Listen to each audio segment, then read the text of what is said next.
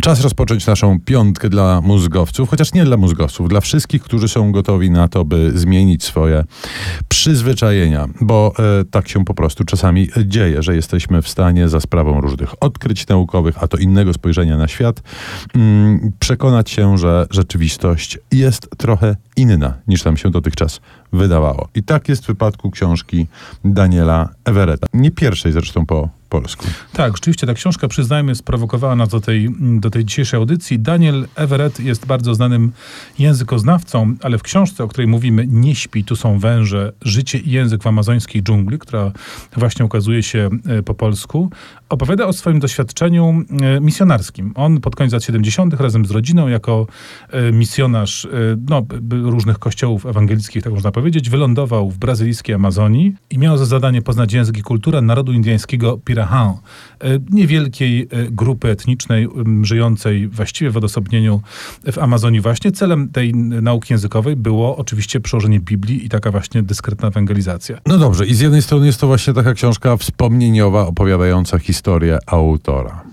Tak, ale najważniejsze jest to, co Everett odkrył. Otóż ucząc się języka, zdawał sobie sprawę, że jak to w sumie wiemy, dzięki językoznawstwu od dłuższego czasu, oczywiście za językiem idzie pewna filozofia, pewien sposób rozumienia świata. I teraz język Indian Pirahan jest tak kompletnie odmienny od y, języków znanych Everettowi, generalnie większości języków y, świata, a to dlatego, że kompletnie odmienny sposób rozumienia, postrzegania świata przez ich Indian. Taki drobny przykład, bo tam ciekawostek i niesamowitości lingwistycznych, a zatem światopoglądowych jest mnóstwo.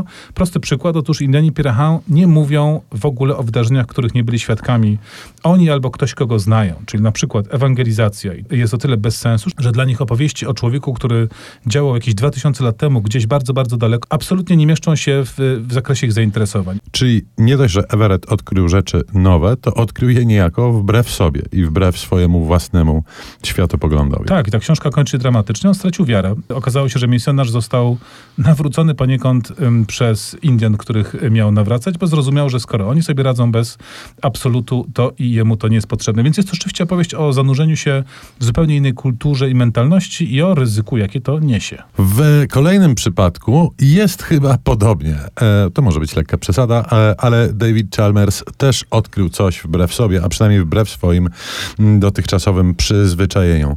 David Chalmers to australijski filozof, który jest autorem niezwykle głośnej książki pod tytułem Świadomy umysł. Książki, która z tego, co się orientuje, dotychczas nie została obalona, mimo swoich kontrowersyjnych tez, a więc pozostaje mm, no chyba taką najistotniejszą publikacją o tym, czym jest, o, albo czym mogłaby być e, świadomość. Bo tak naprawdę o świadomości naszej jako takiej niewiele wiemy.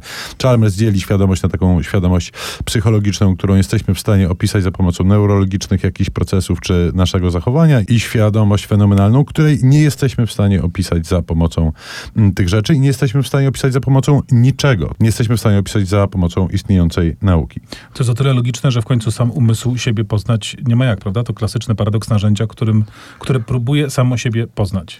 Tak, to znaczy David Chalmers nie wyklucza, że to będzie e, możliwe, natomiast za pomocą e, argumentu z zombiaków, e, który brzmi mniej więcej w ten sposób, że w naszym świecie są jakieś świadome przeżycia, ale istnieje logiczny świat, w którym ich nie ma. To znaczy są ludzie, takie zombiaki pozbawione tych przeżyć, e, ale ten świat jest fizycznie taki sam, co wskazuje na to, że materializm, jaki my znamy, jest fałszywy. Ja mam też świadomość, że już mi się powoli mózgownica przegrzewa. Zróbmy tutaj przerwę, posłuchajmy klasycznej piosenki Money Money, śpiewanej przez Liza Minnelli z filmu Kabaret, która zapowiada finansowy temat obecny w drugiej części naszej piątki.